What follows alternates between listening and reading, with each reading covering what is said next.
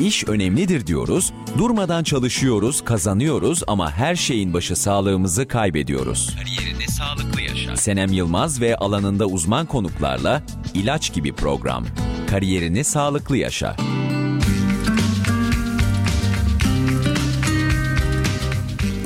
Değerli dinleyicilerimiz, kariyer gelişiminde sağlıklı olmanın, sağlığımızı korumanın ve bunun bir yaşam biçimi haline getirilmesinin öneminden yola çıkarak size için hazırladığımız programımız Kariyerini Sağlıklı Yaşaya hoş geldiniz. Alında uzman konuklarla sağlık üzerine sohbet ettiğimiz programımızın bu haftaki konuğu Ege Üniversitesi Tıp Fakültesi Kardiyoloji Anabilim Dalı öğretim üyesi Profesör Doktor Oğuz Yavuzgil. Hocamıza bugün kalp damar hastalıkları hakkında konuşacağız. Hocam hoş geldiniz programımıza. Hoş bulduk Sanem Hanım. Teşekkür ederim. Rica ederiz. Bugün çok önemli bir konu hakkında konuşacağız. Çünkü kalbimiz gerçekten e, günlük yaşantımızda bizim için son derece önem arz eden bir organımız. İlk olarak kalbin yapısıyla başlayabilir miyiz? Evet şimdi kalp gerçekten enteresan bir organ. Aslında hani vücuttaki diğer organlarla karşılaştırdığımız zaman görevi basit gibi gözüküyor. Sanki bir arabanın motoru gibi toplar damar sisteminden aldığı kanı atar damar sistemine atmaya yönelik bir e, adeta motor görevi yapıyor. Tabii bu tek bir organ sonuçta başka bir alternatifi yok. O yüzden de herhangi bir şekilde fonksiyonu bozulduğu zaman da hayatiyetimizi e, şey devam ettirmemiz pek mümkün değil. Tabii beyin gibi değil. Beyin çok mesela kompleks bir organ. E, pek çok orada fonksiyonumuz var. Kalp daha ziyade bir motor görevi yapan bir organ. Tabii ki kapalı devrede çalışıyor ama kapalı devrede çalıştığı için de sadece e, tek bir e, işte kalbin adresinin gücü yeterli değil. Aynı zamanda hem toplar damarlardan belli bir miktarda kan alması gerekiyor. Hem atar damarların sağlıklı bir yapıya sahip olması gerekiyor. İki tane e, kulakçığı var, iki tane karıncığı var. Arasında işte kendisine ait duvarları var. İçinde kendi yönde tek yönde çalışan kalp kapaklarımız var. Çok enteresan tabii. Günde 100 bin defa atıyor. 100 e, bin defa atan bir kalp e, aslında litrelerce 7 bin 8 bin litre belki günde kan pompalıyor. Hiç yorulmuyor 70, 80, 90 yaşına kadar. Hiç teklemiyor, nadiren tekliyor. Dolayısıyla çok önemli bir organ ve yapısında e, pek çok fonksiyon barındırdığı için de pek çok hastalık değişik yapılarını bozabiliyor. Kimi hastalık işte kalbin et dokusunu bozuyor, kimisi damarlarını bozuyor, kimisi kapaklarını bozuyor. Dolayısıyla bu motor fonksiyonunun gerek kanı pompalayarak fışkırtmasını gerek de kanı gevşeyerek içine alması fonksiyonu bozduğu zaman maalesef karşımızda hayatı kısaltan ya da yaşam kalitemizi bozan hastalıklar e, çıkıyor. Bu hastalıklardan biraz bahsedebilir miyiz? Kalp damar hastalıklarından. Tabii şimdi insanın gelişim sürecine bakacak olursak yani belki de hani yüzyıllar önce insanların belki daha hani e, evrimsel süreci içerisinde daha çok enfeksiyon hastalıkları işte ya da kazalar ya da işte beslenme sorunları e, hayatı kısaltırken artık toplumlar geliştikçe e, belli bir sağlık düzeyine ulaştıkça e, gelişmekte olan toplumlarda bile hala kalp damar hastalıkları çok ön planda ölüm nedeni. Şu an gerek Avrupa ülkelerine gerek Amerika Birleşik Devletleri'ne bakacak olursak e, kalp damar hastalıkları hala birinci ölüm nedenidir. Bunların bir kısmı gerçekten işte kalp krizi, kalp yetmezliği, tansiyon yüksekliği olsun. Bir kısmı e, kalp damar sistemi ile ilgili gibi gözüküyor. Bir kısmı da aslında felç gibi ya da işte nöroloji veya sinir sistemi ile alakalı gibi gözüküyor. Tabii bunların hakikaten sadece hani ölüm olarak bakmamak gerekir. Ee, bizim pek çok hastalığımız örneğin kalp yetmezliği gibi ya da işte inme gibi yani insanın belki hayatiyetini tamamen sona erdirmese de hayatını çekilmez hale sokabilir. Hastaneden çıkamaz hale gelmek, sık sık hastaneye yatmak gerektirmek, ameliyatlar, anjiyolar olma bunlar tabii çok kolay işler değil. O bakımdan da kalp damar hastalıklarını sadece tedavi etme kısmı değil aslında hastalık hiç olmadan e, önlemeye çalışmak ki biz buna birincil korunma diyoruz ya da primer prevensyon diyoruz. İşte toplumsal pek çok mesajı bunun için vermeye çalışıyoruz. Dolayısıyla da e, hakikaten çok önemli e, bir konu e, kardiyovasküler hastalıklar. Peki kardiyovasküler hastalıklar yani kalp damar hastalıkları nasıl belirti vermektedir? Şimdi tabii kalp damar hastalıkları deyince çok e, değişik kalp damar hastalıkları var. Yani kalbin kendisine ait damar hastalıkları var ki bugün için en sık gördüğümüz aslında e, hani az evvel de bahsettiğim gibi kalp içinden belki günde 7-8 bin litre kan geçmesine rağmen o kanı içerisinden alıp kullanmak için maalesef üzerindeki ince birkaç milimetrelik koroner damar dediğimiz damarlara muhtaç. İşte bu damar sertliği dediğimiz hastalık bu damarlarda tıkanıklık ya da daralma yaparak maalesef kalbin fonksiyonlarını yapmasına engel oluyor ve şu anda bizim hani toplumda baktığımızda en sık gördüğümüz hastalık bu koroner arter hastalığı.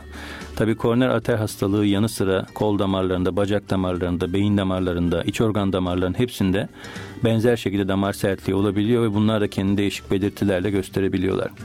Tabii e, koroner arter hastalığının hani belirtileri nelerdir diye eğer bakacak olursak e, bir insanın koroner arterlerinde eğer daralmalar ortaya çıkar ya da tıkanmalar ortaya çıkarsa Öncelikle şunu tabii e, göz önüne almamız gerekir. E, kalp normalde oksijenli çalışan bir organdır. Tabii damarı tıkanırsa e, buradan geçecek kan yeterince oksijeni kalp dokusuna götüremeyeceği için bu insanların çoğununda aslında ön planda egzersiz yaptığında, efor yaptığında göğsünde bir ağrı ortaya çıkar. Biz bunu angina pectoris diyoruz. Hani tıp dilinde aslında halk arasında göğüs ağrısı anlamına geliyor. Bu başlangıçta daha çok eforla ortaya çıkar. Çünkü kalbin adalesi e, oksijen arz talep dengesine göre çalışan bir yapıdır. Yani bir otomobil ikinci viteste örneğin yavaş götürürseniz araba bozuk bile olsa ikinci viteste gidebilir ama dördüncü beşinci viteste götürüp hızlanmaya çalıştığında daha çok yakıt isteyecektir. Eğer yakıt borunuz tıkalıysa e, bu performansı arabadan alamazsınız.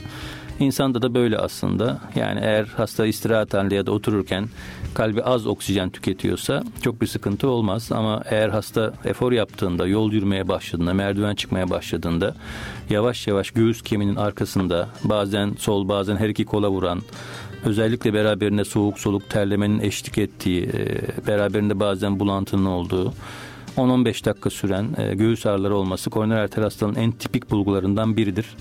Ama yanı sıra her hastada tipik böyle kitapsal bulguları olmayabilir. Bazen ani nefes darlıkları olabilir. Bazen ritim bozuklukları buna bağlı çarpıntı hissi olabilir. Bazen sadece böyle bir mide ağrısı gibi, karın ağrısı gibi benzer hiçbir şeye benzemeyen hastanın anlamayacağı bulgular olabilir. Maalesef bazı hastalarda hiçbir bulgu olmayabilir. Sessiz iskemi dediğimiz hastalarda hasta bazen ayakta kalp krizi geçirir ama hiç farkında bile olmayabilir. Tabii ritim bozuklukları olabilir, kalp yetmezliği bulguları olabilir. Yani bunlar olduğu zaman tabii göğüs ağrısı artık yerine nefes darlığına bırakabilir, karın şişliğine, ayak şişliğine bırakabilir. Ritim bozukluğu olduğu zaman hastada çarpıntı atakları olabilir. İşte kalbim pırpır etti, kalbimde işte kuş çırpıntısı gibi çırpıntılar oldu ya da kalbimde düzensiz vurular oldu. Ya da işte çarpıntıyla beraber az daha bayılıyordum ya da bayıldım tarzında şikayetlerle de hastalar karşımıza gelebilir. Tabii çok sıkıcı bölümü bazen hastaların hiç şikayeti yokken hastayı aniden işte kalp durması ya da tamamen bilinç kaybıyla gördüğümüz hastalarda oluyor. İşte kardiyak arrest dediğimiz ya da kalp durması dediğimiz tablolar. E, bu da tabii can sıkıcı bir boyutu hastalığı. Son yıl yıllarda özellikle haberlerde karşılaşıyoruz. Çok genç yaştaki sporcular aniden kalp e, durması nedeniyle yaşamlarını kaybedebiliyorlar. Bu da bahsettiğiniz evet. bu nedenden mi kaynaklanıyor?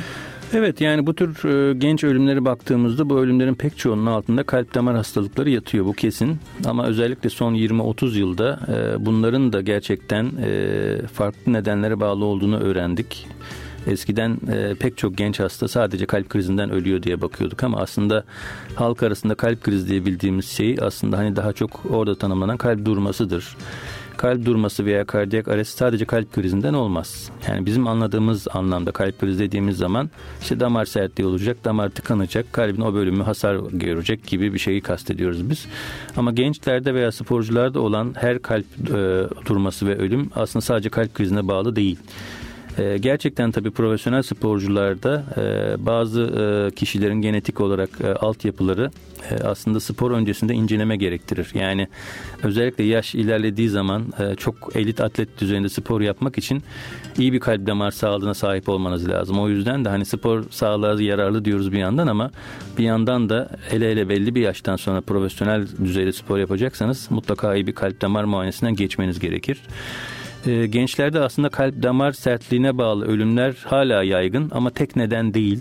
E, günümüzde özellikle e, kardiyomiyopati dediğimiz bazı hastalıklar var. Kalbin et dokusu hastalıkları. Yani e, size genetik olarak mesela kötü bir miras kaldıysa siz de tesadüfen veya kötü şanstan kendinize kötü bir spor seçerseniz kalp adalesini daha da bozacak bir spor ölüm şansınızı arttırırsınız tabii. Yani bazı ağır efor gerektiren sporlarda ölüm nedeni aslında kalp krizi ama damar sertliğine bağlı değil.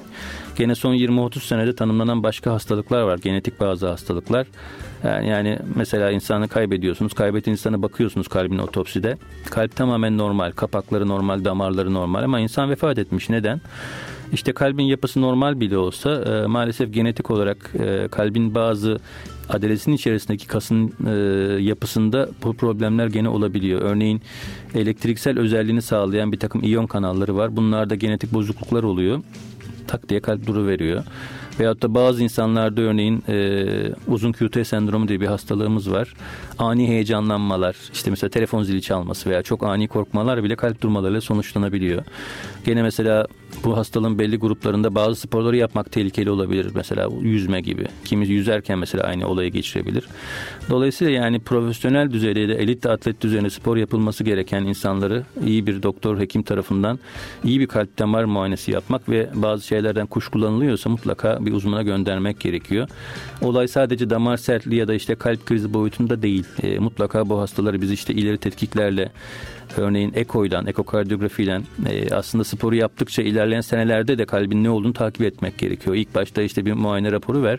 Sağlamdır spor yapsın ama 10 sene sonra o kalp öyle mi kalacak? Kalınlaşacak mı? Büyüyecek mi? Yani bizim mesela 8-10 sene önce e, profesyonel futbolculara falan yaptığımız birkaç çalışma olmuştu. Futbolcularda işte ne bileyim e, başka farklı e, spor alanlarında kalp damar sistemi de ona göre yeniden şekilleniyor. Herkesin kalp damar sistemi aynı değişikliği göstermiyor. E, dolayısıyla yani genetik olarak sağlamsanız bir sıkıntı yaratmıyor ama genetik olarak bazı şeylere eğiliminiz varsa her spor herkes için iyi olmayabilir. Peki hangi yaştan itibaren düzenli kontrollerimizi yaptırmamız lazım? Bazı ee, şeylerin önüne Haklısınız. için. Yani bu tabii net bir cevabı olan bir soru değil aslında. Çünkü yani düzenli sağlık kontrolü yaptırmak için aslında belli bir yaş grubunu önermek mümkün değil. Çünkü belli hastalıklar var ki yani daha çocukluktan daha insanın kendisini bildiği hatta bilmediği andan itibaren iyi takip gerektiriyor. Mesela bunun en iyi örneğini şöyle verebilirim e, romatizmal kalp hastalığı diye bir hastalığımız var. E, normalde batı ülkelerinde artık hemen hemen hiç gözükmüyor. Nedeni ne? İşte bir boğaz enfeksiyonu geçiriyorsunuz. Streptokok denen bir mikrop bunu yapıyor. Ondan sonra belli bir süre sonra işte eklem romatizması dediğimiz bir hastalık oluyor. Ondan da seneler sonra kalp kapaklarınız tahribi oluyor. Şimdi siz erken yaşta örneğin boğazınız şişti. Gittiniz doktora antibiyotik verdi veya iyi bir tedavi aldınız. Hastalık genellikle tedavi oluyor. Bir daha da tekrar etmiyor ya da romatizmal duruma ilerlemiyor. İşte bu yüzden Avrupa ve gelişmiş e, işte ülkelerde erken yaşlarda iyi bakım sonucunda bu hastalık hemen hemen soyu tükendi. Ama hala işte çocukluk çağında tekrarlayan boğaz enfeksiyonları geçirildiği zaman herhangi bir tedavi yapmadığınızda 3, 4, 5 ataktan sonra bu sefer çocuk romatizma yakalandığı zaman 8-10 sene sonra kalp kapak hastalığı karşımıza çıkabiliyor. Dolayısıyla da yani aslında çocukluktan itibaren hepimizin en azından yılda bir kere düzenli bir sağlık kontrolünden geçmemizde bence fayda var. Ama şu var hani toplumda esas bizim bugün için en büyük başımızın derdi olan kalp damar hastalıkları, hipertansiyon, kolesterol yüksekliği, şeker hastalığı. Tabii bunlar esas 30-35 yaşından sonra e, daha sıklığı arttığı için hani belki biraz gencim işte sağlıklıyım deyip 30-35 ne kadar kontrolü çok ihmal edebilirsiniz ama 35 yaşından sonra aslında hepimizin düzenli yılda bir kere en azından bir kan tahlili işte kolesterol düzeyleri, şeker düzeyleri ya da bir kalp elektrokardiyografisi yaptırmamızda fayda var. Hazır çocuklardan bahsetmişken çocuklarda bu kalp damar hastalıklarının belirtileri nasıldır? Tabii çocuklarda olay biraz daha farklı olabiliyor. Çocuğun kendisini ifade etmesi, konuşması bir erişkin kadar e, farklı, daha farklı olduğu için özellikle çocuklarda hani bizim başımıza daha çok gelen hastalıklar doğumsal kalp hastalıkları. Aslında çok nadir değil yani birkaç yüz doğumda bir iki tane konjenital dediğimiz doğumsal kalp hastalığı görülebiliyor.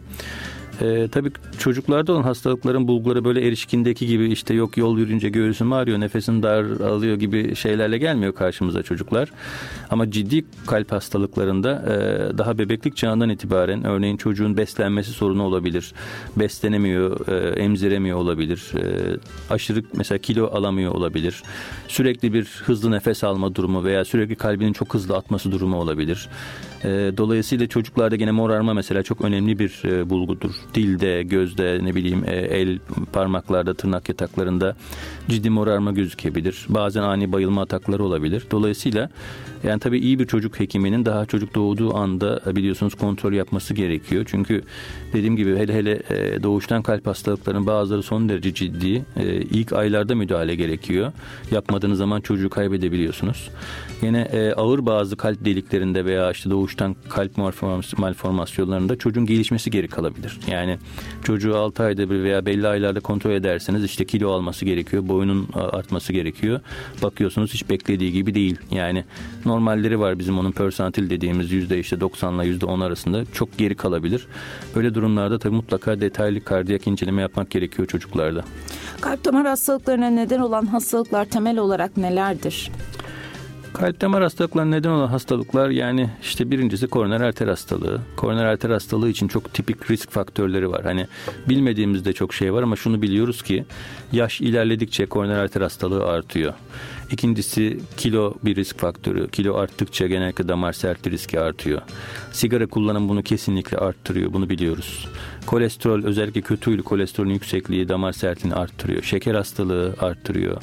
Hareketsizlik düzenli bir işte egzersiz yapmayan, evde oturan, hiç hareketsiz bir şey e, kişilik yapısı, stresli bir kişilik yapısı. Bunlar hep koroner arter hastalığını arttıran risk faktörleri ki biz hastalara bunu mutlaka soruyoruz ve değerlendiriyoruz. Tabii bunun yanı sıra yani e, pek çok başka hastalık var. Örneğin işte temin dediğim gibi kalp kapak hastalıkları. Bunların bir kısmı işte çocukluk çağındaki romatizmaya bağlı. Eğer hakikaten e, Bizim ülkemizde de tabii bu artık giderek azalıyor. Çünkü sağlık sistemindeki ilerlemeler sonucunda artık çocuklar romatizmaya az yakalanıyorlar. Belki 10 sene 20 sene sonra biz de romatizma hastalığı görmeyeceğiz ama e, hakikaten önemli bir konu bu da doğuştan kalp hastalığı ya da kardiyomiyopati dediğimiz hastalıkların çoğunun aslında hani çok özel bir önlemi yok ama bazı kardiyomiyopati türlerinde tabii bazı şeyleri önceden kestirebilirsiniz. Bazen doğum sonrasında olabilir örneğin. Doğum sonrasında kuşkulandığınız hastaları tedavi, e, tetkik etmek gerekebilir. Beslenme ile ilgili kardiyomipatiler olabilir. E, bazen toksik kardiyomipatiler işte bazı kimyasallara bağlı veya kanser ilaçlarına bağlı olabilir. Hatta bunların da risk faktörlerini gerektiği zaman gerektiği şekilde tetkik ederseniz yakalanma ihtimaliniz azalıyor. Ama önemli olan tabii koroner arter hastalığı ve buna ait risk faktörleri ve gene en büyük belki ilk başta söylememiz gerekiyordu kan basıncı yüksekliği, hipertansiyon. Yani hipertansiyon neredeyse erişkin toplumların belki 50-60 yaşından sonra hepsinde var. Yani şu anda bizde belki olmayabilir ama 50-60 yaşında geldiğimizde hemen hemen 10 kişiden 7'sinde 8'inde hipertansiyon olacak. En büyük risk faktörlerinden biri bu. Ve bizdeki olaylarda önemli olan bir nokta da şu. Yani her zaman her şeyi tamamen değiştiremezsiniz. Yani bunları biz değiştirilemeyen risk faktörleri diyoruz. Örneğin yaşlanmayı değiştiremezsiniz. E, genetiğinizi değiştiremezsiniz. E, ama örneğin e, kan basıncını kontrol ettiğinizde daha uzun yaşayabilirsiniz. Sigarayı bıraktığınızda daha uzun yaşayabilirsiniz. Kilo verdiğinizde daha uzun yaşayabilirsiniz gibi. Onlar da değiştirilebilen risk faktörleri diyoruz. O yüzden de tabii ki yani bir kaderci kısmı var olayın ama bir de elimizde olan kısmı var. Elimizde olan kısmına çok ciddi şekilde önem vermemiz ve yapmamız gerekiyor.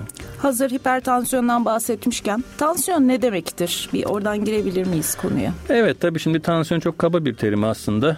Temin de aslında bahsettim. Yani kalp damar sistemi aslında kapalı bir devre içinde çalışan e, bir boru ve motor sistemi gibi düşünelim. Veya bir kalorifer sistemi gibi düşünelim. İşte bir motoru var. İçerisinde devre daim yapan bir sıvı var. Kapalı devrelerin içerisindeki sıvı basıncını aslında e, kabaca bir hipertansiyon diyoruz. Kan basıncı diyoruz. Yani içerisinde kan var. Kapalı devre damar sisteminin içerisinde bunu ölçtüğümüz zaman bunun adı kan basıncı. Tabi e, damarlar da sonuçta çelik borular değil. E, elastik. içerisinde işte bir takım e, doğuştan e, damar katmanlar olan bir yapı.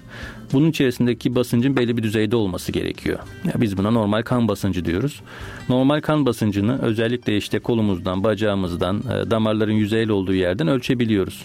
Tansiyon aletleriyle ölçebilirsiniz. Damara bir kateter sokup damarın içinden ölçebilirsiniz. Normalde bunun tabii ki belli bir değeri var. E, tabii işte milimetre civa olarak ölçüyoruz biz. E, büyük tansiyon 120 milimetre civa, e, küçükte 80 milimetre civanın normalde 12-8 yani halk arasında bildiğimiz değerlerde olması gerekiyor. Tabi tıbbi çalışmalar göstermiş ki bu değer büyük için 140, küçük içinde 90 üzerine çıktığı zaman artık yavaş yavaş aslında o damarın iç çeperine yaptığı baskı arttığı için damarlara hasar veriyor. Ve bu uzun dönemde e, bütün iç organları bozuyor. İç organlar derken sadece kalbi kastetmiyorum. Yani kan basıncının artması kalbin adresini kalınlaştırıyor. Uzun dönemde kalbin karıncıklarını ve e, kulakçıklarını büyütüyor. Kalpten çıkan damarları genişletiyor. Ama sadece bununla da yeterli değil.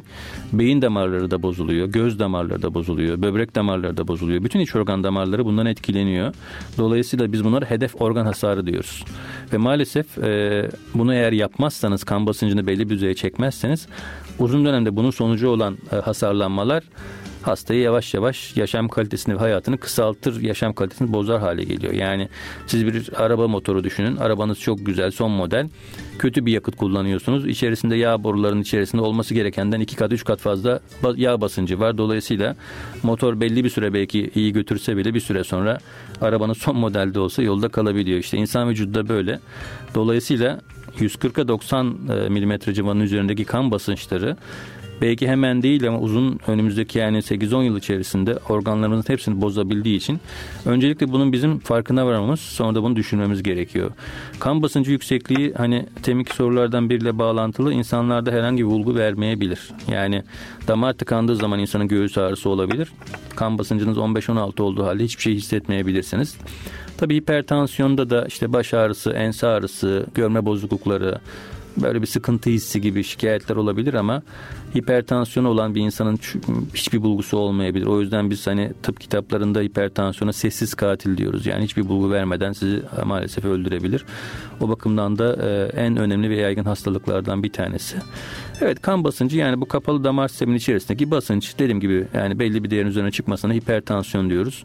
Bir anda çok hızlı yükselirse ya da çok dalgalanırsa o da zararlı. Baş yavaş dönmesi yavaş, yapabiliyor değil mi? Baş, baş dönmesi, dönmesi yapabilir. Evet, evet, olabilir. yapabilir. Yani eğer bir insanın kan basıncı özellikle bir anda çok yükselirse yani 12'lerde giden bir insanın bir anda 18'lerin 19'ların üzerine giderse tabii beyin buna bir anda kendini uyduramaz. Yani bizim tabii e, tıbbi e, olarak baktığımızda eğer bir hastalık zaman içerisinde yavaş yavaş ortaya çıkıyorsa vücut bununla baş etmek için bir takım savunma mekanizmalarını çalıştırıyor.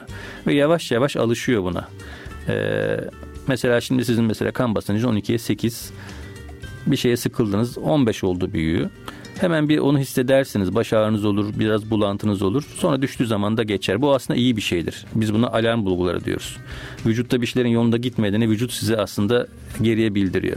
Ama eğer o 15-16 ile 8 sene 10 sene geçirirseniz maalesef artık o geri alarm bulguları sistemi de bozuluyor. Onunla ilgili o reseptör dediğimiz e, uyarı algılayıcıları da bozuluyor. Dolayısıyla bizim çok karşılaştığımız bir şey. Yani teyzeler amcalar geliyor. 20 kan basıncı. Yanımızda oturuyor. Hiçbir şikayeti yok. Konuşuyor ölçüyorsunuz. İnanamıyorsunuz kan basıncı 24'e 12 22'ye 12 yani bir şikayetin var mı teyze? Yok. Yani neden? Çünkü yıllar içerisinde gelişmiş. Ha zararsız mı? Hayır tabii ki çok zararlı ama e, işte hızlı yükselmesi ya da uzun dönemde yavaş yükselmesinin böyle bir farkı var. Peki bu tansiyonu düzene tekrar getirebilmek için bu alarmı dikkate alarak yapacağımız tedavilerde aldığımız ilaçlar uzun vadeli ilaçlar mıdır? Evet şimdi tabii hipertansiyon teşhisi aslında önemli bir e, teşhis. Yani hepimizin hayatında günlük stresler içerisinde kan basıncımızla oynamalar oluyor. Hatta aynı ortamda bile olsa gün içinde insanın kan basıncı hep 12'ye 8 kalmıyor. Bizim onun e, kendi adımıza sirkadiyen ritim dediğimiz bir ritmi var. Yani gün içinde önce sabah kalktığınızda biraz yavaş yavaş yükseliyor. Sonra biraz düşüyor. Sonra akşam öncesinde biraz daha yükseliyor ve gece genelde düşük kalıyor. Yani insanların çoğunluğu için böyle bir normal dalgalanma dönemi var. Ama bu herkes de aynı değil. E, bu da e, hastalıkla beraber değişebiliyor. Ee, şimdi tabii bir insanın kan basıncını ölçtünüz yüksek buldunuz hemen o insana hipertansiyon hastası e, tanısına koymak çok doğru değil. Yani gelen hasta işte genç bir insan olabilir. Sınav stresi olabilir. Bir şeye üzülmüş sıkılmış olabilir. Ne bileyim bir kaza geçirmiş canı yanıyor olabilir. Yani bir insanın siz canını yakarken kan basıncının yükselmesi normaldir. Biz bunlara hipertansiyon demiyoruz. Hipertansiyon demek için hastayı önce bir oturtup 10-15 dakika sakin bir halde konuşmanız gerekiyor tercihen 1-2 saat içinde işte yemek yememiş, sigara içmemiş, e, sakin bir ortamda ve istirahat halinde olması gerekiyor. Ve ondan sonra biz normalde her iki koldan ölçüyoruz kan basıncını. El bileğinden ölçebilirsiniz ama genellikle biz kol damarından ölçtüğümüz brakiyal kan basıncı ölçümlere daha çok güveniyoruz. Biliyorsunuz bizim kullandığımız bu fıs fıslı manometreli aletler var. Bunlara güveniyoruz ama şimdi piyasada çok güzel elektronik aletler de var. Ee, bunları hem hastalar tek başına kollarına takabiliyorlar hem de düğmesine bastıkları zaman tek başına kolay ölçebiliyorlar. Gene ikinci bir faydaları da orada rakam olarak bunu görebiliyorsunuz. Çünkü dinleme aleti dinlediğiniz zaman herkes onu e, kulağıyla işte 125 mi 120 mi ayırt edemeyebilir ama alette onu rakam olarak görmeniz bir avantajdır. Gene aletin üzerinde bir hafıza var. 30 40 50 ölçüm orada saklayıp doktorunuza oradan gösterebiliyorsunuz. E, o bakımdan da dediğim gibi hipertansiyonun teşhisini koymak için e, hastanın belli özellikleri olması gerekiyor.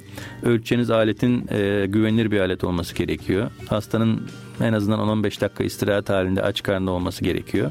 Bunlardan sonra eğer tekrarladığımız birkaç ölçüm hep 140'a 90 üzerindeyse o zaman bir hipertansiyon varlığından şüphe ediyoruz ve tedavi edelim ya da etmeyelim tarzında bir karar veriyoruz. Dolayısıyla tabii hipertansiyon tedavisi temin yani senin de sorduğun gibi kısa süre bir tedavi değil. Yani hastanın tansiyonu düşürdün tamam olay bitti mi? Hayır bitmedi. Yani insanda neden tansiyon yüksekliği oluyorsa o neden bir anda ortadan kalkmıyor genellikle. Yani bu hastanın tabii öncelikle bir yaşam stiline bakıyorsunuz. Hasta çok tuz mu alıyor? Acaba hani iç organ sistemleri çok mu hareketli? Bir sempatik sinir sistemi dediğimiz bir sinir sistemi var. Dolayısıyla öncelikle onlara yönelik de bir işte diyet tedavisi, yaşam tarzı değişik tedavisi veriyoruz. Hastayı mutlaka sigara kesmesini öneriyoruz. Mutlaka aldığı tuzu azaltmamızı öneriyoruz. Yani ülkemiz özellikle çok tuz tüketen bir ülke. Yani bizim burada hani nefroloji bölümüyle ilgili yapılan birkaç çalışmada gösterildi ki Türkiye'de günlük tuz tüketimi 18-20 gramların üzerinde. Biz bir hipertansiyonda 6 gramın altını falan hedefliyoruz. Yani ciddi şekilde azaltmak gerekiyor. Ciddi hipertansiyon hastalarında bazen hemen hemen hiç tuzsuz yiyin diyoruz hastalara. Ama tabii çok sık gördüğümüz bir cevap hani tuzsuz diyet yapıyor musunuz? İşte olabildiği kadar yapıyorum. Peki ne kadar olabiliyor bunu hiçbir doktor bilemez hakikaten sofrada tuzluk kullanmamak, e, özellikle zeytin gibi, peynir gibi günlük çok tükettiğimiz e, yemeklerin, yiyeceklerin az tuzlu seçmek, hatta gerekirse ekmek dahil olmak üzere. Hazır gıdalardakilerin, fast food'dakilerin çok tuzlu olabileceğini akılda tutmak. E, tuzu bile sofradan kaldırmak veya olabildiği kadar azaltmak aslında kan basıncında ciddi bir düze, düzelme yaratıyor. Tabii bunun dışında her hastaya diyet veyahut da işte egzersiz, kilo vermek, sigara bunlar tabii yetmiyor. Eğer hani çok yüksek riskli bir hastalık karşılaşıyorsanız e, hemen ilaç tedavisi vermeniz de gerekebiliyor. Hani bizim hipertansiyonda yaptığımız tedavi hastanın riskine göre. 20 yaşında bir delikanlı veya 18 yaşında bir kız gördüğümüz zaman bunun herhangi bir aile öyküsü yok, sigara içmiyor, kilosu yok bir şey yoksa Buna birkaç ay e, bir yaşam tarzı değişikliği, tuzsuz diyet önerebilirsiniz ama 80 yaşında işte daha önceden felç geçirmiş, göz kanaması geçirmiş, kalp krizi geçirmiş bir insana kalkıp da 3 ay 6 ay diyetle e, işte tansiyon düzelecek mi diye bekle dediğinizde 3-6 e, ay içinde bir şey gelirse hastanın başına bunu sorumluluğu kimse almıyor. O bakımdan da risk arttıkça tedavi erkene alınıyor. Tedavi daha yoğun oluyor. Ama mutlaka sadece ilaç tedavisi olmuyor. İlaç tedavisinin yanı sıra yaşam tarzı değişikliği özellikle tuzsuz diyet mutlaka ekleniyor. Günümüzde bütün bunlara rağmen bile yani bütün ilaçları, bütün diyetlere yapmamıza rağmen bile kan basıncı yüksek giden hastalar var. Bunlar için başka yeni tedavi yöntemleri de e, yapılmaya başlandı. İşte böbrek damarlarının sinirleri yakılıyor tansiyon için piller takılıyor şah damarlarına gibi ama bunlar daha araştırma yöntemleri henüz daha çok rutin tedaviye girmiş değiller. Hipertansiyondan bahsediyoruz ama normalde bazen çevremize karşılaşıyoruz. Kişi diyor ki benim normal tansiyonum 10'a 5. Kendisini kötü hissettiğinde bir bakıyorsunuz tansiyonda 12-8. Halbuki 12-8 normal bir tansiyonken o kişi diyor evet. ki yo benim için çok yüksek. Bu neden kaynaklanıyor acaba? Bu işte o insanın iç organlarındaki o sempatik sinir sistemi dediğimiz sinir sisteminin e, çalışmasının oranından kaynaklanıyor. Yani biz bazı insanlara sempatik sinir sistemi hiperaktif diyoruz örneğin. Yani bunu zaten hani toplumda da görürsünüz. Kim insan son derece sakindir, nabzı yavaştır, tepkileri daha yavaştır ama kimi insan çok hiperaktif dediğimiz yerinde duramaz, kalbi daha hızlı atar, çok çabuk heyecanlanır. Tabii bu tür tepkileri her zaman ilaçla tedavi etmek mümkün değil. Yani her ilaç verdiğinizde bunun karşılığında hastada bir zarar ya da yan etki olma olasılığı da mutlaka olacaktır. Dolayısıyla bunu iyi düşünmek gerekir. Hani kabaca kan basıncı 10 olan bir insanın kan basıncı 12'ye çıktı diye biz tedavi vermiyoruz. Ama bazen bazen hastanın işte bir problemi varsa ne bileyim sınav stresi olabilir ya da başka bir işte özellikle insanların hayatlarında yaşadıkları işte travmalar, vefatlar bunlar ciddi şekilde problem yaratıyor. Bazen sakinleştirici ilaç vermek bile hipertansiyon tedavisine yeri olabiliyor. Peki tansiyonumuzu ölçerken bir de nabzımıza bakıyoruz. Neden nabzımıza bakıyoruz ve nabzımızın normal ölçüsü ne olmalı? Evet. Derecesi ne olmalı? Şimdi nabız aslında o kapalı kan basıncı devresinde damarların içerisinde giden e, kanın e, herhangi bir yüzeyel damardan parmağımızı üzerine koyduğumuz zaman bizim parmağımızın altında oluşturduğu his. Nabız da bizim için önemli bir şey. Çünkü birincisi damarın açık olup olmadığını gösteriyor. Özellikle sigara içenlerde e, kol bacak ve işte parmak damarlarında da problemler oluyor. O yüzden bunun muayenesinde çok önemli bir araç bizim için.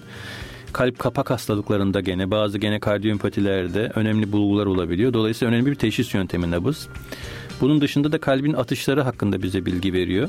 Tabi normal bir insanın kalbi dakikada 70-90 sefer atacaktır. Dolayısıyla da bir örneğin el bileğine biz koyduğumuz zaman nabzımızı bu 70-90 atımı parmaklarımızın uçları dışında hissederiz.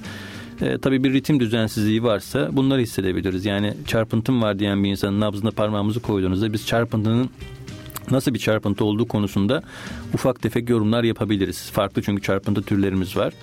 Bunun dışında deneyimli bir doktor hastanın nabzına parmaklarını koyduğunda kan basıncı hakkında yorum yapabilir. Çünkü Kan basının çok yükseldiğinde nabız elinize çok kuvvetli, şiddetli vurur hale gelir. Kan basının çok düşük olduğunda da tam aksine parmaklarınızdan adeta böyle kaybolur tarzı silik bir hale gelir. Ee, bazı büyük damarların örneğin aort damarının işte kapağında daralma olduğu zaman gene oradan nabız trasesini anlayabilirsiniz. Ya da bazen pıhtıyla damar aniden tıkandığı zaman örneğin şiddetli bir kol ağrısıyla ve bacak ağrısıyla gelen bir insanın nabzını alamadığınızda oranın damarı tıkanmış olabileceğini düşünmeniz gerekir gibi. Evet nabız daha çok hani hekimler için bir teşhis yöntemidir ve iyi bir nabız muayenesini bilen hekim kan basıncı hakkında da kalp ritmi hakkında da ve bazı önemli kalp damar hastalıkları hakkında da bulgular elde edebilir. Ama tabii her türlü hastalığı nabızdan algı anlamıyoruz. O da ayrı bir konu. Obeziteden bahsetmiştik kalp damar hastalıklarıyla olan ilişkisinden ama biraz da diyabetten bahsedebilir miyiz? Yani şeker hastalığından. Tabii obezite ile diyabet yakın ilişkisi olan iki hastalık. Ee, yani diyabetin e, farklı tabii tipleri var. Bir kısım diyabet daha çok işte e, genç yaşlarda gözüküyor ama toplumun çoğuna baktığımız zaman daha çok gözüken aslında obezite ile ilişkisi olan özellikle bizim kalp damar hastalıklarında metabolik sendrom dediğimiz durumla alakası olan bir durum. Şimdi tabii şeker hastalığı başlı başına bir hastalık olmasına rağmen e, maalesef şeker hastalığına sahip olan e, insanlarda kalp damar hastalıkları çok sık gelişiyor.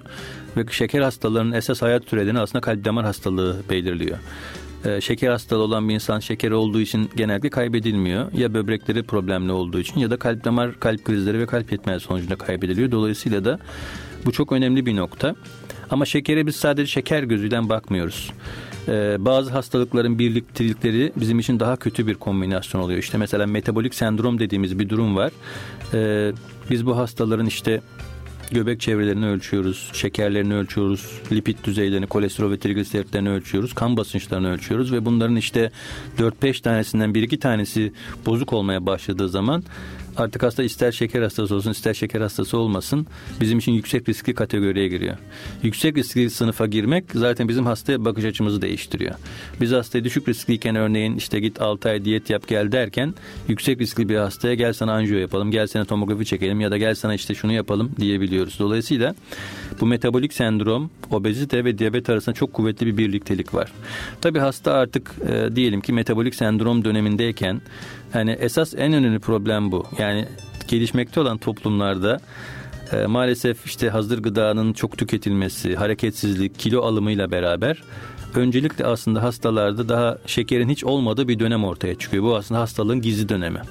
Hafif bir işte göbek, belki şu an hepimizde ve bende de olduğu gibi, e, hafif bir göbek çevresi çevresinin artması, hafif işte kilo oranlarının yükselmesi bu dönemlerde daha şeker falan yok ama bir süre sonra yavaş yavaş o kilo dediğimiz problem yavaş yavaş hem hipertansiyona hem şeker hastalığına hem de diğer kardiyovasküler sorunlara yol açıyor. Dolayısıyla bu daha çıkmadan siz eğer kiloyu, kan basıncını ya da lipidleri kontrol ederseniz ileride bunun çıkmasını geciktirebiliyorsunuz. Şeker hastalığı ortaya çıktıktan sonra işler maalesef sandığımız gibi değil. Hani günümüzde şeker hastalığı tedavisi çok ilerledi. İnsülinler çeşitli, şeker hapları çeşitli ama maalesef şeker hastalığı tedavisini sadece şekeri düşürerek yaptığınızda başına gelecekleri hastanın tamamen düzeltemiyorsunuz. Şeker hastalığı olan bir hastaya stent taktığınız zaman tıkanma ihtimali daha yüksek oluyor. Şeker hastalığında bypass yaptığınız zaman ileride sorun çıkma ihtimali daha yüksek oluyor. Yani tabii ki şeker hastalığının kendisinin tedavisi önemli ama şeker çıkmadan tedaviye başlamak çok daha önemli. Son olarak ilk bölümü kapatırken bu ayak bileklerinde ve bacaklarda şişmelerden bahsetmiştiniz. Acaba bu burada oluşan ödemlerin hepsi bir kalp damar rahatsızlığına işaret midir? Nasıl ayırt etmek gerekir? Evet şimdi ödem dediğimiz zaman kabaca halk arasında hani şişlik olarak biliyoruz ödemi. Ödemin tek e, nedeni kalp hastalığı değil tabii ki. Yani ödemle ilgili veya ödem yapabilen pek çok durum var. Ama kalp damar hastalıkları gerçekten önemli bir ödem nedeni. O yüzden de örneğin bir insanda hiç yokken son haftalarda özellikle böyle bacak kemiğinin üzerine parmak bastığınız zaman çukur bırakacak denli bir e, şişlik oluyorsa bu hastada bir kalp damar hastalığını aramak önemlidir. Bizim özellikle kalp yetmezliği hastalarında çok sık gördüğümüz bir durumdur. Genellikle yer çekiminden dolayı ayak bileklerinde ve e, dizlerden altta olur. Ama ilerledikçe de giderek yukarıya kadar hatta bel bölgesine, karın bölgesine kadar gelir. Karında bir şişlik olur. Karın adeta kurbağa karnı gibi yanlara doğru sarkar göbek deliği silinir hatta göbek dışarı doğru fıtıklaşabilir. Ee, bunun dışında tabii kalp normal olduğu halde gene damar hastalıklarında ödem olabilir. Eğer bir örneğin bacağın toplar damar sisteminde bir tıkanıklık varsa ya da örneğin halk arasında varis diye bildiğimiz toplar damarlarda aşırı genişlemeler varsa bu damarların içindeki kapakçıklar iyi kapanmadığı için gene bacakta ödem olabilir. Gene bacakların lenf damarları var biliyorsunuz. Bunlarda bazı tıkanıklıklar olabiliyor. Bunlarda ödem olabilir ama kalp damar sistemi tamamen normal bir insanda da e, gene bacak ya da karın şişliğinin başka hastalıkları da karşımıza çıkabiliyor. Örneğin endokrin hastalıklardan hipotiroidizm diye tiroidin az çalıştığı bir hastalık var. Bunda gene sert de olsa bir ödem olabilir. E, gene vücudun özellikle protein kaybettiren bazı hastalıklar, bazı böbrek hastalıklarında vücutta eğer işte e, protein tutamıyorsa, albümünü sürekli atıyorsa böbrekler gene bacaklarda ya da karında şiddetli e, şişlikler olabilir. Genel bütün vücutta şişlik olabilir ileriki dönemlerde. Dolayısıyla tabii bu kadar ağır bir şişliğin olması bizim açımızdan önemli bir bulgudur ve bakılması, incelenmesi gerekir. Ama hani toplum içerisinde hepimiz de yani 30 yaşını 40 yaşını geçince özellikle günde 8-10 saat ayakta duruyorsanız ya da oturuyorsanız toplar damarların tabii kanı kalbe doğru getirememesinden kaynaklanan çok hafif bir şişlik olabiliyor. Çoraplarında iz kalabiliyor insanın, ayakkabılarında keza. Tabii bunların hepsi de çok ciddi kalp hastalığının bulguları değil aslında. Bunlar genellikle işte birazcık akşam ayakları yukarı kaldırmakla toplar damar dönüşünü kolaylaştırdıkça düzelen e, noktalar. Programımızın ilk bölümünü burada kapatıp kısa bir müzik arası vermek istiyoruz. İkinci bölümümüzde hocamıza kalp damar hastalıklarının cerrahi tedavi yöntemleri üzerine konuşacağız. Sonra sizlerle tekrar birlikte olacağız.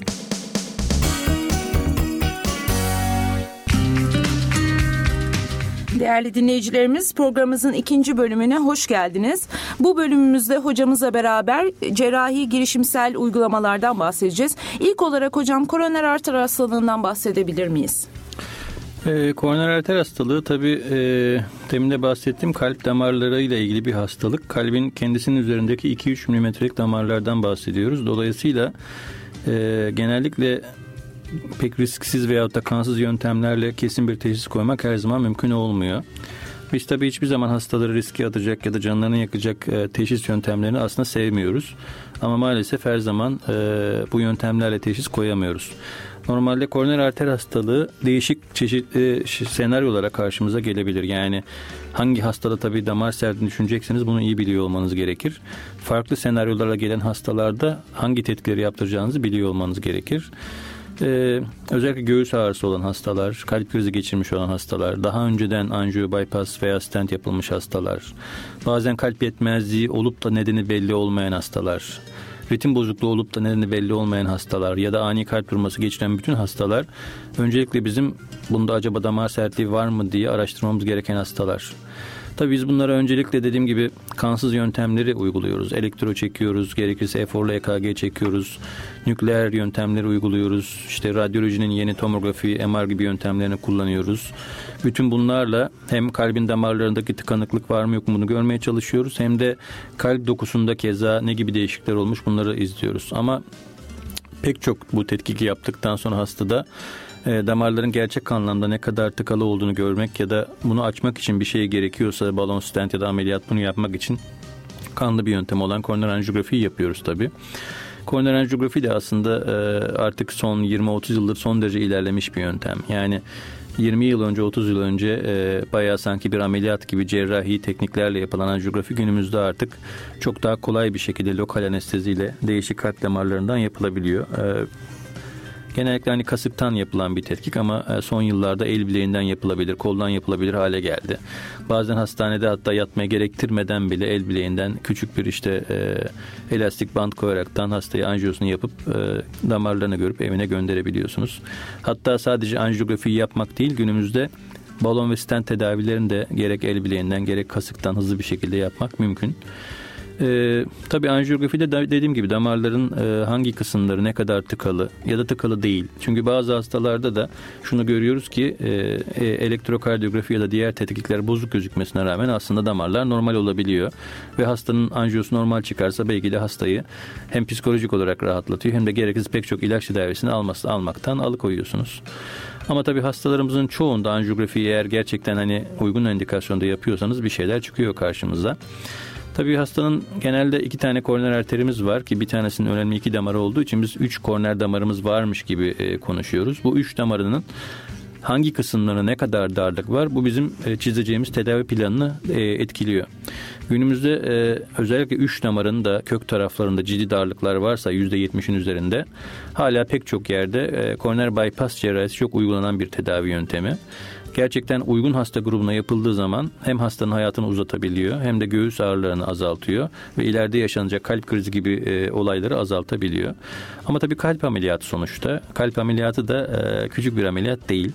Genellikle göğüs kemiği kesilerek yapılıyor. E, genellikle genel anesteziyle hasta tamamen uyutularak yapılıyor. Ameliyat çok başarılı olsa bile post operatif bakım sürecinde tabii kanama gibi, enfeksiyon gibi solunum cihazına işte bağlanma problemleri olabiliyor. Dolayısıyla aslında biz hastaları eğer hani bypass cerrahisinin uzak işlerini halledebiliyorsak hasta için de bizim için de daha kolay olabiliyor. Günümüzdeki e, yeni yöntemlerle e, koroner damarların içine balon yapmak veya stent yapmak daha mümkün.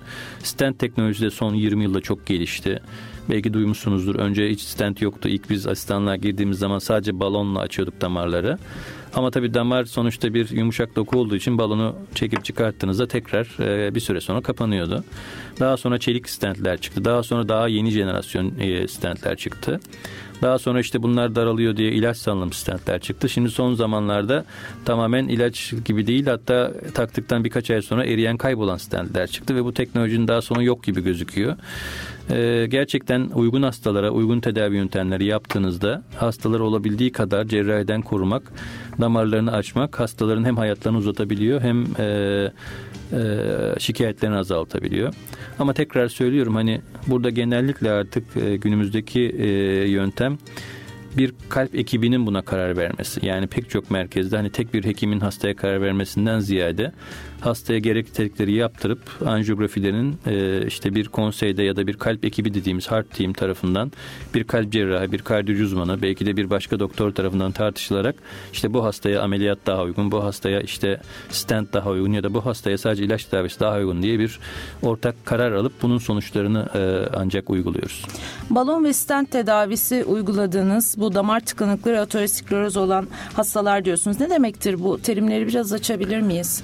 Ee, balon ve stent tedavisi şimdi normalde damar sertliği e, normalde boru veya tüp şeklinde olan damarın içerisinde bizim aterum plağı dediğimiz yağlı bir dokunun birikmesi ve buna bağlı damarın daralması anlamına geliyor. E, damar tabi hani başlangıçta %20-30 gibi bir hafif daralma yapıyorsa bu çok sorun değil gibi gözüküyor. Ama aslında bu da sorun çünkü bazen bunda da ani tıkanıklıklar ve ani kalp krizleri olma riski var.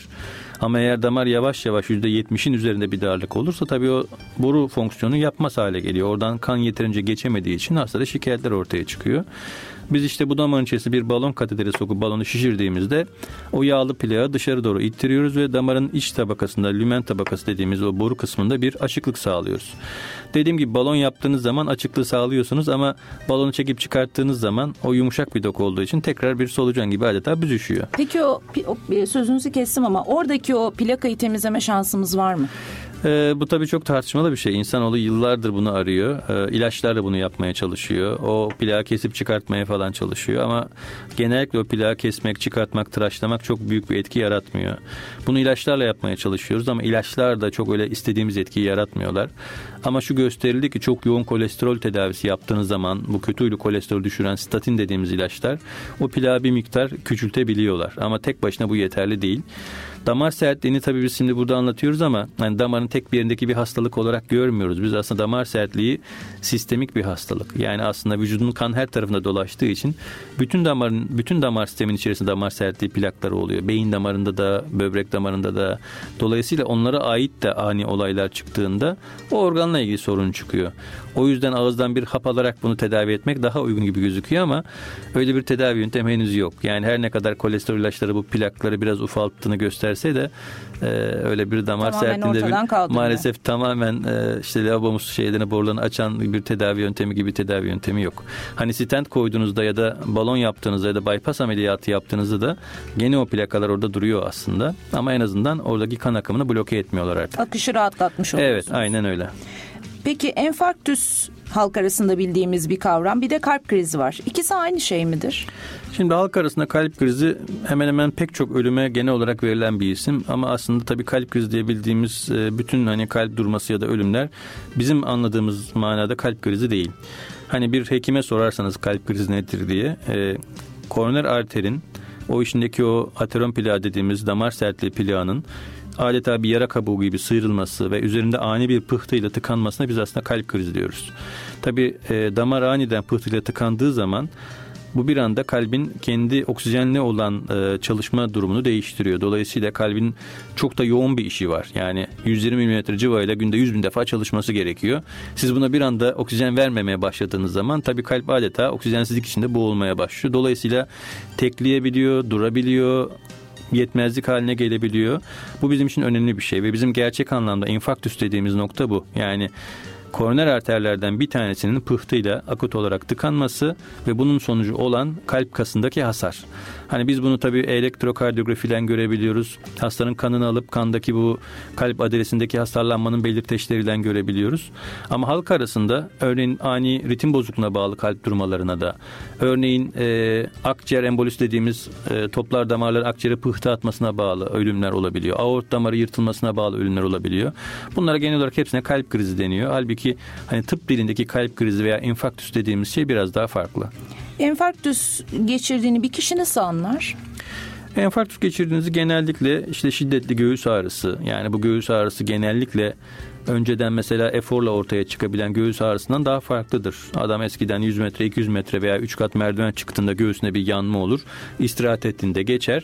Halbuki bu ağrı daha farklıdır. Bu ağrı genellikle istirahatte de devam eder. Adam artık yürümese, istirahat bile etse de göğüs ağrısı devam eder. Ağrı çok daha ciddidir. Hastanın adeta e, ölümcül olduğunu fark ettirir baskı tarzında, ezici tarzda genellikle beraberinde şiddetli işte omuz veya sırt ağrısı ile beraber olabilir. Hastada soğuk terleme, e, damarlarda periferik damar dediğimiz kol bacak damarlarında ani büzüşmeye bağlı solukluk, soğukluk olabilir. Dediğiniz gibi bazen bulantı, kusma olabilir. Bunlar sanki bazen mide ve sindirim sistemi rahatsızlıklarıyla karışabilir. Bazen ciddi ritim bozuklukları sonuçlanabilir. Bazen bayılmayla sonuçlanabilir. Dolayısıyla bu bulguların tabii bütün hepimiz tarafından iyi biliniyor olması lazım. Hani örneklerini görüyoruz. Örneğin kendisi hekim olan kişi kalp krizi geçiriyor fakat farkına varmıyor. O kadar önemli olabilir. 3 saat 4 saat sonra acaba ben kalp krizi geçiriyor muyum diye bir elektro çektiriyor. Bakıyor orada kalp krizi geçiriyor. Dolayısıyla bu tür bulgular olduğu zaman gerçekten bunu çok ciddiye alıp bir an önce 112'yi aramak gerekiyor e, veya acil servise başvurmak gerekiyor. Biz yardımcı olabilir miyiz 112 gelene kadar yanımızda bir kalp krizi geçirirse? Tabii yardımcı olabilirsiniz. Ee, tabii hani çok aşırı da e, belki de e, titiz olup da hakikaten hiç kalp krizi ilgisiz durumlara da çok aşırı tepki vermemek gerekse bile biz genelde hep kötüyü düşünüp ondan sonra başımıza bir iş gelmesin diye daha te, e, şeyli olmamız gerekiyor. Belki de tedbirli olmamız gerekiyor. Tabii böyle bir hastaya ne yapılabilir? Birinci hasta e, bir efor yapıyorsa onu kesmesi ve istirahat haline geçmesini bekliyoruz. Yani hastanın çünkü yaptığı iş kalbin işi günü arttıracaktır. Örneğin yürüyorsa oturtursunuz hastayı. Bu tür hastalarda herhangi bir anda kalbi duracakmış gibi e, gerektiğinde hastaya göğüs masajı yapabilir halde olmanızı bekliyoruz. Yani sonuçta tabii yurt dışındaki biliyorsunuz okullarda bile verilen bir e, eğitim kalp durmasında ne yapılacağı, kalp akciğer canlandırması. Tabii kalp krizinde biz neden korkuyoruz? Özellikle ilk 24-48 saatte kalp krizi büyük de olsa küçük de olsa hastada bir kalp durması yaratabilir. Bu kalp durması yarattığı zaman da ya hastaya kalp masajı yapmanız ya da elektroşok yapmanız gerekir. Elinizde muhtemelen ilk anda şok cihazı da olmayacağına göre biri gelip şok cihazını getirene kadar sizin hastanın göğsüne basmanız gerekecektir. Bunu yapabilir şekilde hastayı tutmanız lazım. Tabii hastaya da bunu tabii çok söyleyip korkutmamak gerekir ama ne olabilir? Örneğin gravatı varsa veya üstü çok e, kalın giysiler varsa giysilerini açıp rahatlatabilirsiniz. Hastanın temiz hava almasını sağlayabilirsiniz ama çok sıcak ve çok soğuk da olmaması gerekir hastanın. Dediğim gibi yatırabilirsiniz. Eğer soğuk soğuk terliyorsa bacaklarını biraz kaldırabilirsiniz. Kan basıncı düşmüş olabilir diye. Eğer hastanın kan basıncını ölçebiliyorsanız tansiyon aletiniz varsa ölçmenizde fayda vardır tabii ki. Eğer kan basıncı çok düşük değilse e, bazı hastaların ceplerinde dil altı işte fıs fısları veya da izordil denen e, ilaçları olabilir. Ondan verebilirsiniz. Kısmen göğüs ağrısını azaltır. Hastayı panik haline sokmamak, e, işte dediğim gibi e, yatay bir pozisyonda istirahate sevk etmek, bir an önce 112'yi aramak e, veyahut da bir yerden yardım çağırmak ilk yapmanız gerekenler. Kalp veya tansiyon problemi olan hastaların herhangi bir olay durumunda çevresindeki insanların ona yardımcı olabilmesi için boyunlarında bir kimlik taşımaları ya da bununla ilgili bir bilgilendirme kartı taşımaları uygun olur mu? Olabilir. Bazı yerlerde yapılan bir yöntemdir bu gerçekten ama tabii o kartı da gittiğiniz yerde kimin okuyacağı veya veya hangi sistem bağlı olduğunu bilmek gerekir. E, zaten bazen şeker hastalarında veya ciddi kalp hastalarında yapılan evet. bir yöntem. Çünkü şeker hastaları da insülin kullandıkları için örneğin şekerleri çok düştüğü zaman maalesef bilinçlerini kaybedebiliyorlar. E, bu dönemde bunu gören biri örneğin hastanın hayatını kurtarabiliyor. Tabii dediğiniz gibi kalp hastalığında bu yapılabilir. Yani bir bileklik veya bir kolye ya da bir e, herhangi e, bir kimlik bilgisi tarzında üzerinde taşınabilir. Çünkü artık neredeyse 40-45 yaşın üzerinde bir kalp damar hastalığı olmayan insan toplumda yok gibi. Kalp yetmezliği nedir hocam? Kalp yetmezliği bu temin saydığımız hastalıkların sonucunda kalbin kanı ya fışkırtma ya da içine alma yeteneğinde bozulma sonucu ortaya çıkan e, bir tablodur. Genellikle e, kalp ileri doğru kanı fışkırtma yeteneğini bozarsa biz buna sistolik kalp yetmez diyoruz. Bu harekette sistol çünkü. Eğer kanı içine alma problemi varsa buna diastol diyoruz. O da diastolik kalp yetmezliğidir. Tabi bunların sonucunda e, insanların vücutlarında bir takım değişiklikler ortaya çıkar. Bu karşımızda ön planda nefes darlığıyla, çok çabuk yorulmayla, örneğin 6 ay bir sene öncesine göre hiç olmadığı kadar çok çabuk yorulmaya başlar hasta. Daha sonra karnı ayakları şişmeye başlayabilir. İşte geceleri nefes nefese kalkmaya başlayabilir. Eskiden 200-300 metre yürürken yürüyemez hale gelebilir. E, iş gücünü yapamaz hale gelebilir. Ama en sık gördüğümüz tablo genellikle nefes darlığı ve ayak şişliğidir. Bu durumlarda mutlaka bir doktora Evet çünkü kalp yetmezliği bir hastalığın adı değildir. Kalp yetmezliği değişik hastalıkların sonucu ortaya çıkan e, bir tablodur sadece. Kalp yetmezliği olan bir hasta hipertansiyondan dolayı kalp yetmezliği de olmuş olabilir. Damar sertliği olduğu için de olmuş olabilir. Kalp hastalığı olduğu için de olabilir. Kalbinde delik olduğu için de olabilir. Ya da kalbi normal olup da akciğer problemi olduğu için de örneğin sağ kalp yetmezliği çıkabilir karşımıza. Ya da bütün bunlar normal olabilir ama hastada bir iç hastalığı vardır. Örneğin dediğim gibi tiroid hastalığı, şeker hastalığı ya da bir endokrin hastalık buna bağlı ortaya çıkabilir. Ya da bir beslenme problemine bağlı ortaya çıkabilir. Dolayısıyla pek çok hastalığın sonucunda ortaya çıkan ortak bir tablodur kalp yetmezliği. Sizde kalp yetmezliği var dediğinde ben alttaki organik hastalığı tanımlamış olmam. Peki az önce bahsetmiştik cerrahi girişimsel yöntemlerden anjiyo, balon, stent gibi. Evet. Fakat bunların sonrasındaki postop dönemde ne gibi ilaçlar kullanılıyor evet. ve nasıl bir bakım gerektiriyor?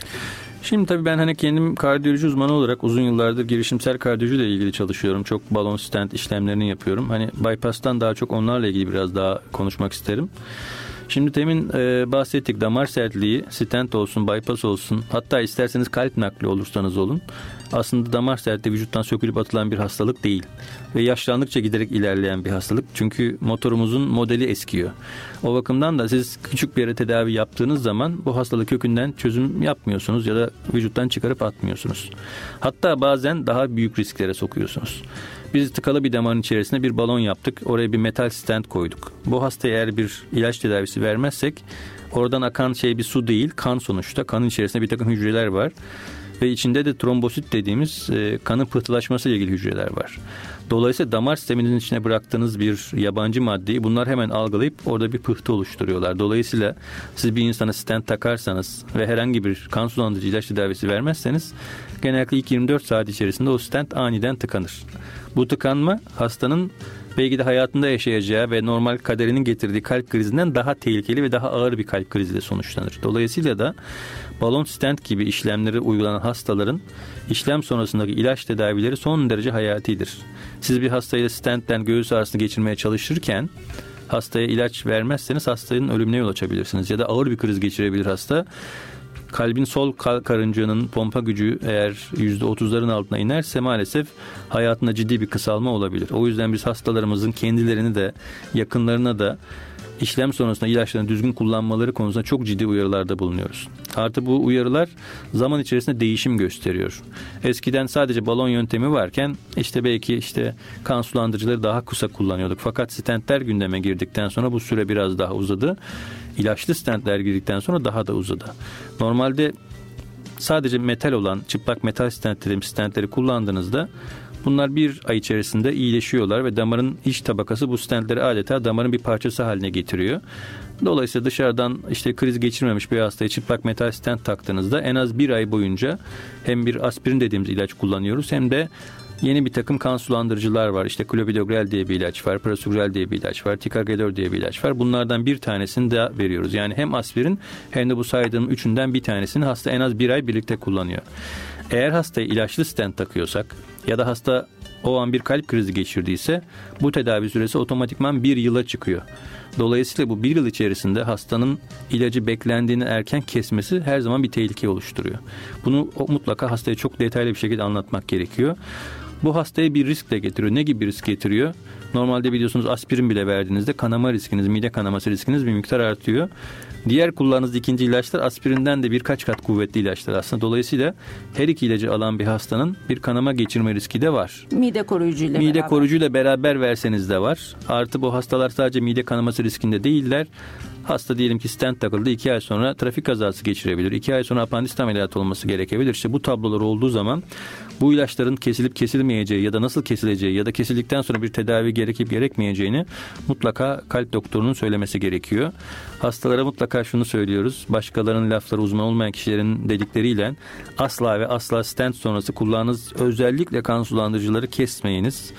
Ee, diğer ilaçları belki kesebilirsiniz. Tansiyonunuz yükselir, göğüs ağrısı olabilir. Fakat kan sulandırıcılarını kesen hastalar ağır kalp krizi geçirip ölebilirler. O kadar mühim. Kendi kendimizin doktoru olmayacağız mutlaka. Bu konuda bu olmayınız. işin Yani belki grip ya da başka bir konuda olabilirsiniz ama e, stent takılmış bir hastanın ilaçları konusunda asla kendisinin doktor olması uygun değil. Hatta uzman olmayan bir branştan bir hekimin bile olması uygun değil. Kalbi delik olan hastalar ne yapacak peki? Kalp deliği farklı bir konu tabii. Doğuştan kalp hastalıklarının bir kısmı e, bu delikler değişik yerlerde olabiliyorlar. Kalp kulakçıkları arasında olabiliyorlar. Kalp karıncıkları arasında olabiliyorlar. Eskiden tabii kalp deliklerinin tedavisi genellikle cerrahi kalp cerrahisiyle yapılıyordu. Hatta çok eskiden cerrahi de yokken bu hastalar genellikle ölüyorlardı çocukluk çağında. Daha sonra işte kalp cerrahisi teknikleri geliştirildikten sonra bunların hakikaten tedavi olabildiğini ve erişkin yaşlara gelebildiğini görüyoruz. Ama son 20 yılda girişimsel kardiyoloji yöntemlerinde de çok ciddi ilerlemeler oldu. Şu an artık eskiden ameliyata verdiğimiz pek çok hastayı anjiyografi yöntemleriyle e, kasıktan ya da işte değişik damarlardan girerek kateter yöntemleriyle kapatabiliyoruz. Özellikle atrial septal defekt dediğimiz kalbin kulakçıkları arasında delik varsa eğer çok büyük değilse ya da beraberinde başka hastalıklar yoksa günümüzde bu hastaların %70-80'i neredeyse ameliyatsız kalp e, girişimsel yöntemlerle kapatılabiliyor. Hatta karıncıklar arasındaki delikler hatta aortla akciğer atar damar arasındaki delikler bile kateter yöntemleriyle artık kapatılabiliyor güvenle.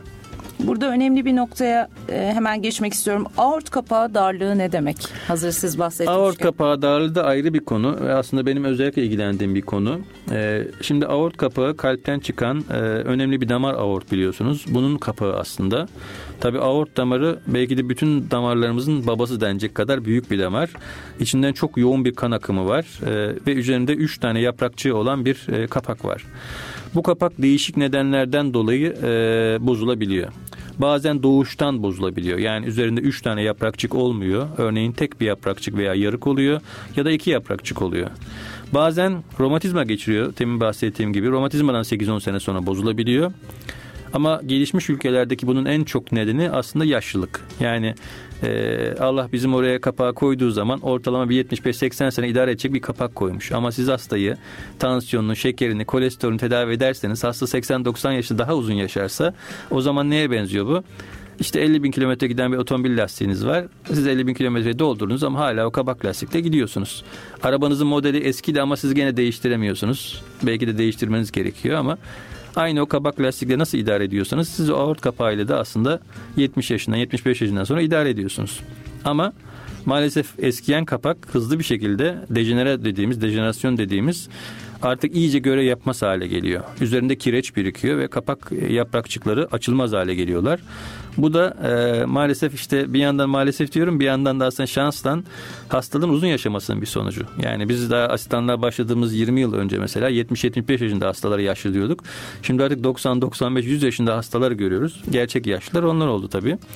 Ve bunların aort kapaklarının çoğunda artık bir miktar böyle kireçlenmeler, daralmalar ortaya çıkıyor. Tabii aort kapağı daralınca kalp kasıldığı zaman e, kan aort damarına geçemiyor. Dolayısıyla kalbin içerisinde yüksek bir basınç, aortun içerisinde nispeten düşük bir basınç oluyor. Kalp adresi giderek kalınlaşıyor, kalınlaşıyor ve bir süre sonra kalp büyümeye başlıyor. Tabii kalp adresinin kalınlaşması göğüs ağrıları yapabiliyor, kalp yetmezliği yapabiliyor, ritim bozuklukları yapabiliyor ve ciddi bir problem. Yani kalp e, ten çıkan kanın aort damarına atılamaması maalesef hayati bir risk oluşturuyor. Dolayısıyla da e, gün geçtikçe bu hastalıkla daha çok, e, sık e, karşılaşıyoruz. Türkiye'de dediğim gibi yani yaşlılığa bağlı bu dejeneratif aort darlığı önemli bir neden ama hala romatizmal kapak hastalıklarında da görüyoruz. Doğuştan kapak darlıkları da görüyoruz. Tabii e, bu konuda da çok ciddi bir tedavi ilerlemesi var. E, yani bir 10 yıl 15 yıl öncesine kadar ciddi aort kapağı daralan hastaların hemen hemen hepsinde altın tedavi, altın standart yöntem ameliyattı. Yani açık ameliyatla e, kapağı oradan çıkartmak, oraya bir kapak takmaktı. E, fakat gene meşhur bir cerrahın e, sözüyle hani e, örnek vereyim. Kalp kapağını değiştirip bir kapak takmak aslında bir hastalığın başka bir hastalıkla değiştirilmesidir. Çünkü e, doğuştan kendi kapağımız kadar mükemmel bir kapak yok şu anda elimizde. İnsanoğlu bunu teknoloji taklit etmeye çalışıyor ama maalesef mükemmel kapak hala yapılmadı. Elimizde iki çeşit kapak var kalp için. Birincisi metalden oluşan metal kapaklar. İkincisi de e, belki az bir kısmı metal ama çoğu kısmı biyolojik materyal olan ki burada domuz ya da işte sığırın e, kalp zarı yaprakçıkları kullanılıyor. E, tabii metal olan kapakları taktığınız zaman e, hastanın mutlaka ömür boyu kan sulandırıcı kullanması gerekiyor. Bu da gene bir takım dezavantajlar getiriyor. Tahliller yaptırmak, kanama riskini göz önüne almak gibi. Ama metal kapağı taktıktan sonra metal kapak 20 sene uzun sene gibi çok uzun süreler gidebiliyor. E, biyolojik protez dediğimiz kapaklar e, onlarda genellikle bir kan sulandırıcı tedavi gerekmiyor. E, ama bunlar da 10 sene 15 sene sonra biraz daha dejenere oluyor biliyorlar. Aynı insanın kendi kapağı gibi. O yüzden de hani çok genç insanlara taktığınızda 10 sene 15 sene sonra ikinci bir ameliyat gündeme gelebiliyor. Ama artık günümüzdeki teknolojiyle bu biyolojik protezlerin de e, giderek daha mükemmele yakın hale geldiğini görüyoruz. Dolayısıyla herhalde kapaklarda giderek daha dayanıklı e, biyoprotezler yapıldıkça kan sulandırıcı ihtiyaçları azalacak.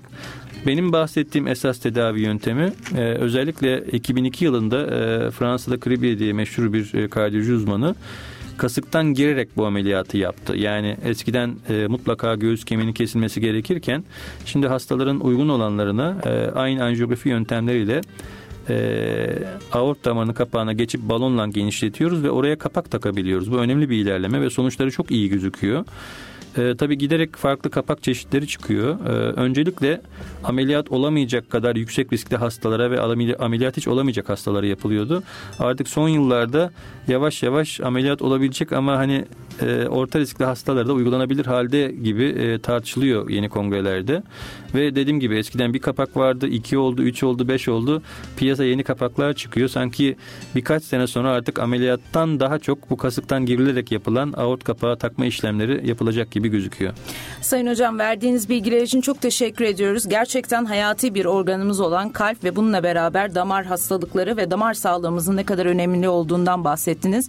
Değerli dinleyicilerimiz Ege Üniversitesi Fakültesi Kardiyoloji Anabilim Dalı öğretim üyesi Profesör Doktor Oğuz Yavuzgül ile bu hafta kalp damar hastalıklarından bahsettik. Önümüzdeki haftaki konuğumuz Ege Üniversitesi Tıp Fakültesi Daire Tıp Bilimleri Bölümü Ruh Sağlığı ve Hastalıkları Anabilim Dalı öğretim üyesi Profesör Doktor Hakan Coşkunoğlu olacak. Hocamızla madde bağımlılığı hakkında konuşacağız. Sorularınızı program gününe kadar senem.yılmaz.yaşaredu.tr adresine gönderebilirsiniz. Yapımda ve yayında emeği geçen arkadaşlarım adına kariyerinizi sağlıklı yaşamanızı diliyor. İyi haftalar diliyoruz efendim. Teşekkürler. İş önemlidir diyoruz, durmadan çalışıyoruz, kazanıyoruz ama her şeyin başı sağlığımızı kaybediyoruz. Kariyerinde sağlıklı yaşa. Senem Yılmaz ve alanında uzman konuklarla ilaç gibi program. Kariyerini sağlıklı yaşa.